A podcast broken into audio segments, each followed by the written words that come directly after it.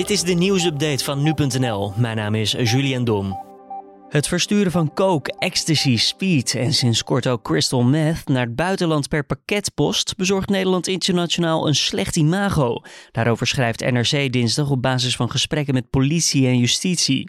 Buitenlandse diensten melden dat ze overspoeld worden met drugspakketten uit Nederland. Het gaat onder meer om landen als Duitsland, Frankrijk, de VS en veel Aziatische landen. De enorme hoeveelheid drugs zet de samenwerking met buitenlandse diensten onder druk. Het bemoeilijkt bijvoorbeeld rechtshulpverzoeken, al dus de politie. Drukte in de spits op de weg is tegen te gaan met een spitsheffing. Dat concluderen het Centraal Planbureau en het Planbureau voor de Leefomgeving in een mobiliteitsonderzoek. De spitsheffing zou beter werken dan een vlakke kilometerheffing. Die laatste zou vooral een manier zijn om autogebruik te ontmoedigen. En het is geen echte oplossing tegen piekdrukte. De planbureaus komen ook met andere adviezen, zoals het aanpassen van de OV-studentenkaart en voor de langere termijn het bundelen van wonen en werken. De vijf grootste supermarkten van Nederland scoren volgens Oxfam Novib nog altijd ondermaats als het gaat om mensenrechten bij de productie van het assortiment. Volgens de organisatie is er te weinig transparantie en wordt er niet genoeg gedaan om uitbuiting tegen te gaan. Wel zijn de ketens er allemaal iets op vooruit gegaan het afgelopen jaar. Prijsvechter Lidl scoort het best in de lijst, waar verder ook Jumbo, Albert Heijn, Aldi en Plus in voorkomen.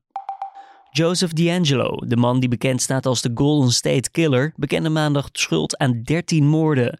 In ruil voor zijn bekentenis zal de oud-agent waarschijnlijk de doodstraf ontlopen en de rest van zijn leven in de cel doorbrengen.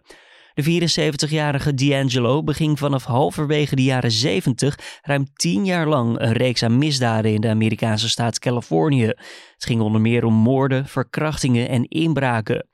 Door de schuldbekentenis hoeven overlevenden niet te lijden onder een potentieel jarenlange rechtszaak, al dus het Amerikaanse Openbaar Ministerie. Oeigoerse vrouwen in de Chinese provincie Xinjiang worden gedwongen om zich te steriliseren of om een spiraaltje te plaatsen. Op deze wijze wil de Chinese overheid de islamitische populatie in de regio beperken, zo blijkt uit onderzoek door de Jamestown Foundation. Zo wordt vermeld dat Oeigoerse vrouwen niet meer dan twee kinderen mogen krijgen en dat de overheid dreigt met opsluiting in een heropvoedingskamp als ze een volgende zwangerschap niet afbreken. De bevolkingsgroei in de twee grootste Oeigoerse regio's is de afgelopen jaren met ruim 84% afgenomen. China zelf ontkent de aantijgingen in het onderzoek. En dit was dan weer de nieuwsupdate.